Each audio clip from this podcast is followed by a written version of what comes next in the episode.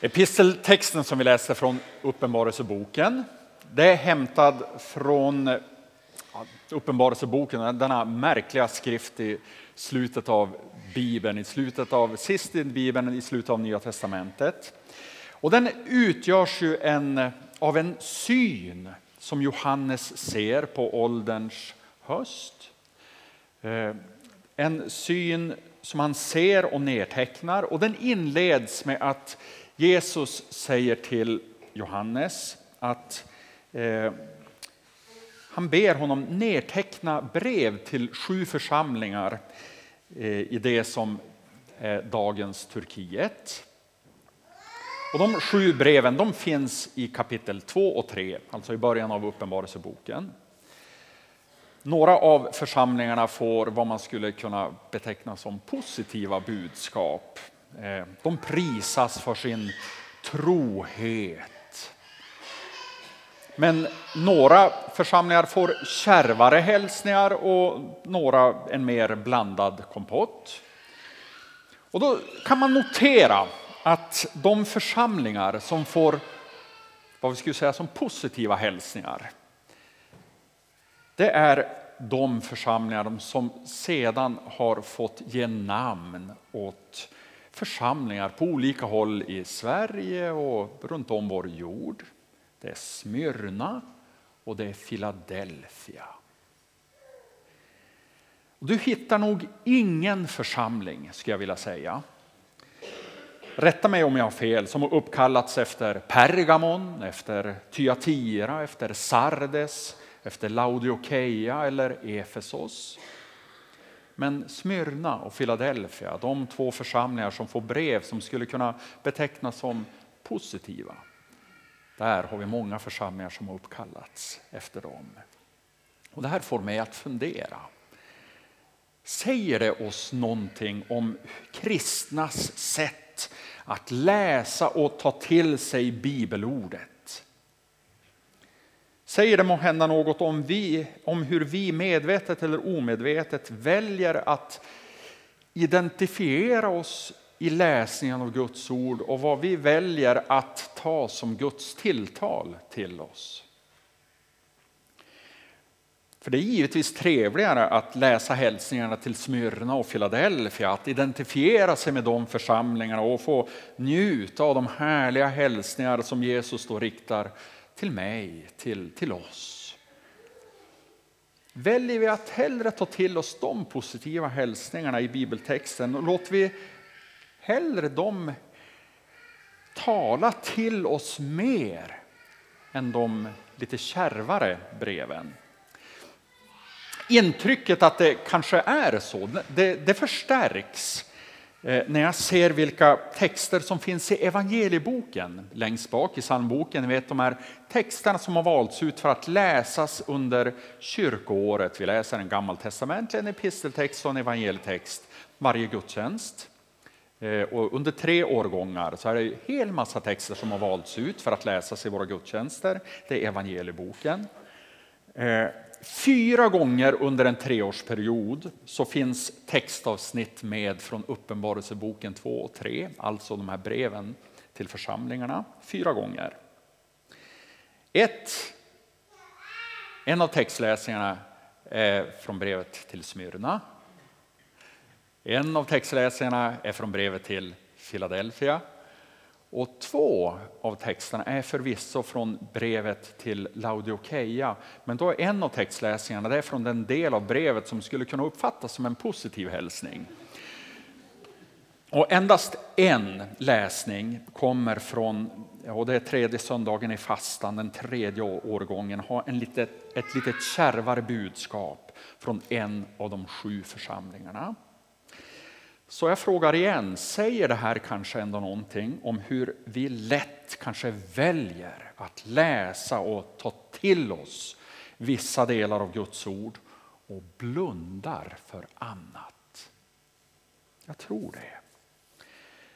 Nu har den här helgen och nästkommande helg, domsöndagen, de har texter som präglas av allvar och ransakan Finns det plats för allvar och ransakan i en svensk version av kristen tro idag? Frågar jag.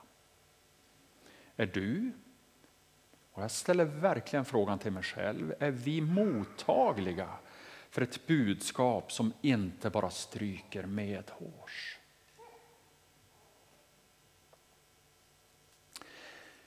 Evangelietexten var den här liknelsen om de tio brudtärnorna. Och det finns olika typer av liknelser i evangelierna. En typ är allegorier. Och med en allegori är det så att då tänker man att varje detalj i texten motsvarar någonting, har en överförd betydelse, att det betyder någonting.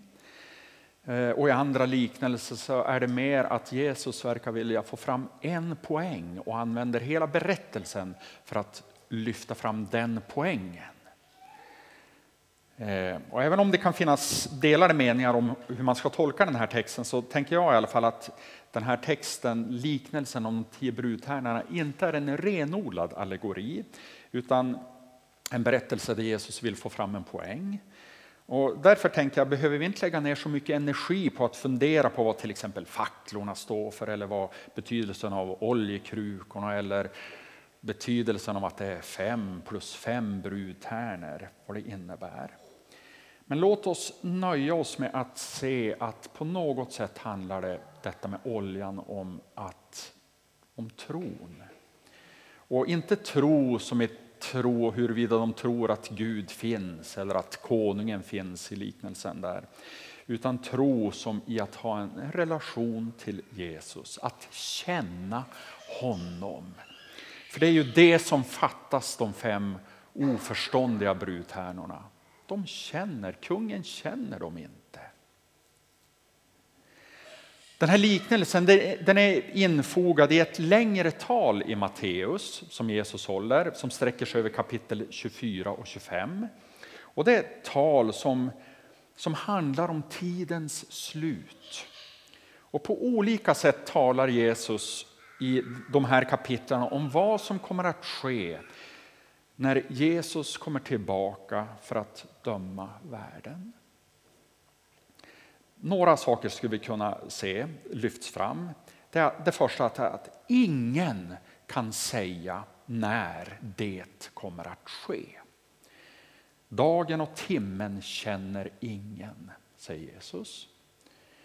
Lita därför inte på de som profeterar och säger att nu har Messias kommit. Det är det första vi kan vaska fram ur det här talet i kapitel 24 och 25. Och det andra som jag ser det är att när Jesus väl kommer igen, då kommer det inte att råda någon tvekan om det.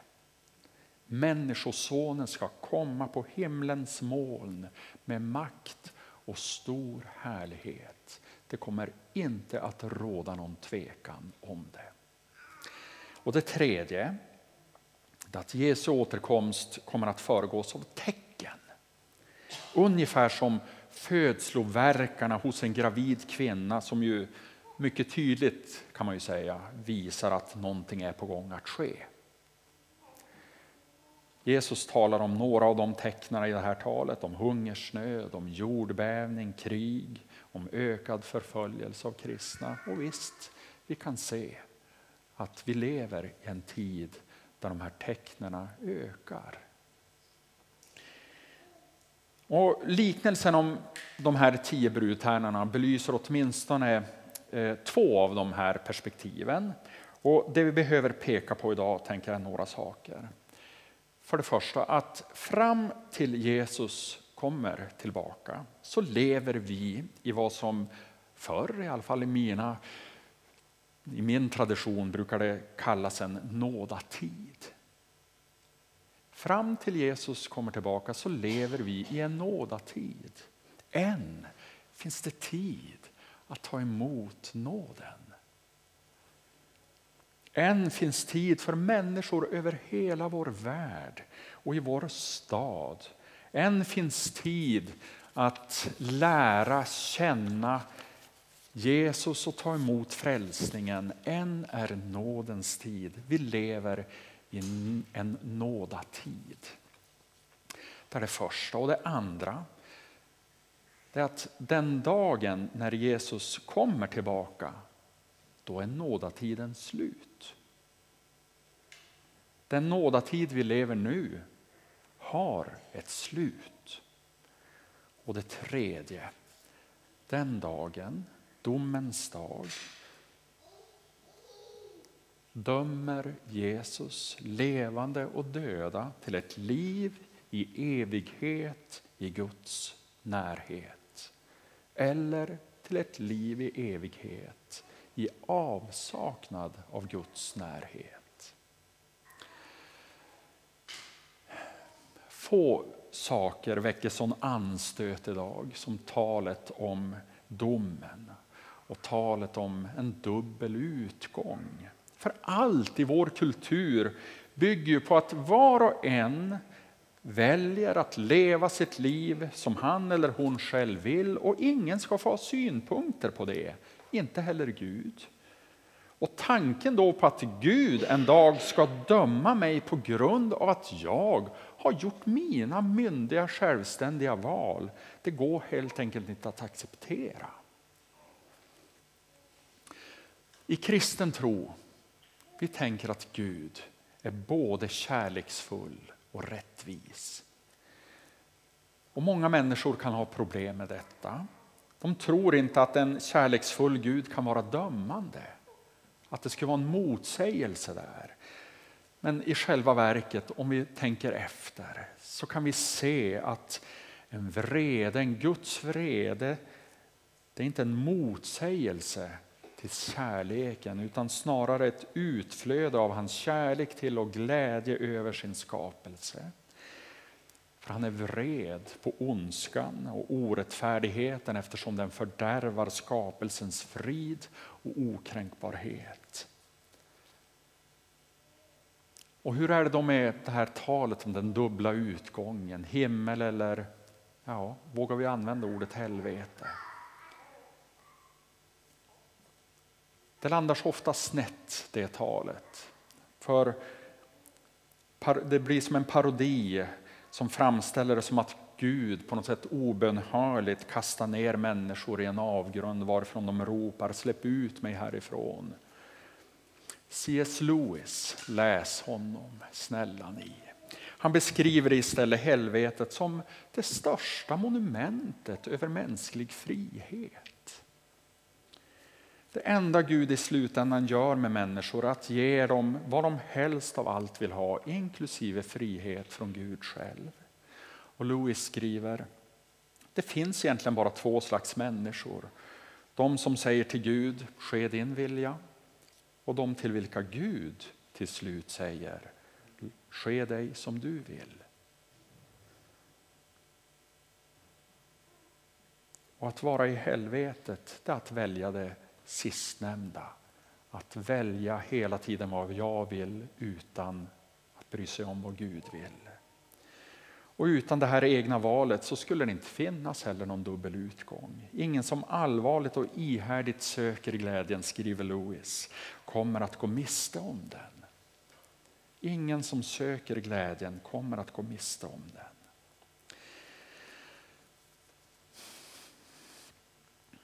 Kristna i alla tider, också i vår tid, har riskerat att falla i självgodhetens fälla. Och ett uttryck för det, tänker jag, det är det jag var inne på i början. Vår benägenhet att identifiera oss med texter som stryker oss medhårs. Och en ofta sedd konsekvens av självgodheten är hur kristna har förhållit sig och förhåller sig till talet om den dubbla utgången. Ja, men kristna har glatt sig med rätta över att tanken på himlen, över att man själv kommer till himlen. Men det har stannat där. Man har inte haft en nöd för människor som inte lärt känna Jesus. Och det tänker jag hör ihop med, med att man sitter fast i självgodheten. Jag, jag vet inte, jag har ju bott 17 år i Boden. Jag vet inte om ni kan inse hur det är att bo i Boden. Det är jättebra faktiskt, men, men nästan ingen man möter tror att Boden är ett trevligt ställe ni som kommer från Göteborg, om ni träffar någon och berättar att ni kommer från Göteborg, åh, det är så trevligt där, eller som i Allingsås, som vi där bor nu, om man berättar att man kommer från Allingsås, bor i Allingsås, åh, det är så mysig stad, alla kaféerna och så här. Men berättar man att man kommer från Boden? Jaha, jag kan en ramsa. Det finns en plats på jorden där solen aldrig ler. Den platsen heter Boden, dit vill jag aldrig mer. Vi som bott där, vi vet ju bättre. Men det här med att bo på en av alla föraktad plats, det, det har gjort någonting skadligt med mig. När det en sommardag kunde vara riktigt fint väder, soligt, blå himmel och varmt i sjöarnas badvatten. Och vet ni, det var det ganska ofta ändå. Det endast då som kunde göra dagen ännu bättre, fulländad, det var om jag såg på väderleksrapporten att det visade sig att det var riktigt kallt och regnigt i södra delarna av landet. Och jag erkänner, jag är inte stolt över det här, men istället för att unna människor att få dela den fantastiska upplevelsen i Boden så gottade jag mig åt att andra fick vad de förtjänade en blåsig och regnig dag i Göteborg. Och det är ungefär så som kristna allt för ofta har förhållit sig till andra människor i fråga om himmel och helvete. Vi lever i en nådatid. Än finns tid för människor att komma in i en livsgivande relation med Jesus. Om vi som kristna inte känner en stor nöd för människor som går miste om att få leva i en levande gudsrelation i församlingens gemenskap, då kan jag tänka mig att det har sin förklaring i att vi blundar för allvaret i Guds ord, att vi regelmässigt väljer bort det kärva till förmån för de passager som stryker oss medhårs. Liknelsen om de tio brudtärnorna som vi läste idag, dess allvarliga budskap ska jag säga, brukar alltid handla om de fem oförståndiga som inte hade olja och därför inte blev insläppta. Men jag vill säga idag att det allvarliga budskapet i den här liknelsen handlar om de fem som hade olja och under den långa väntan på brudgummen under nådatiden inte gjorde någonting för att de fem andra skulle få oljor i sina lampor medan ännu fanns tid. Allvaret i liknelsen det riktar sig till oss som är kristna som så att säga har olja i lamporna, som har lärt känna Jesus, som har en tro. Och med tro är det ungefär som en rikedom. En god vän formulerade det så. Bibelns budskap det är inte att ta kristna från fattigdom till rikedom. Utan Bibelns budskap är att ta kristna från fattigdom till generositet. Och med tro skulle man kunna uttrycka det så att Bibelns budskap inte handlar om att människor ska gå från otro till tro på Jesus. Punkt. Utan Bibelns budskap handlar om att människor ska komma till tro på Jesus och få en nöd för sina medmänniskor. Amen.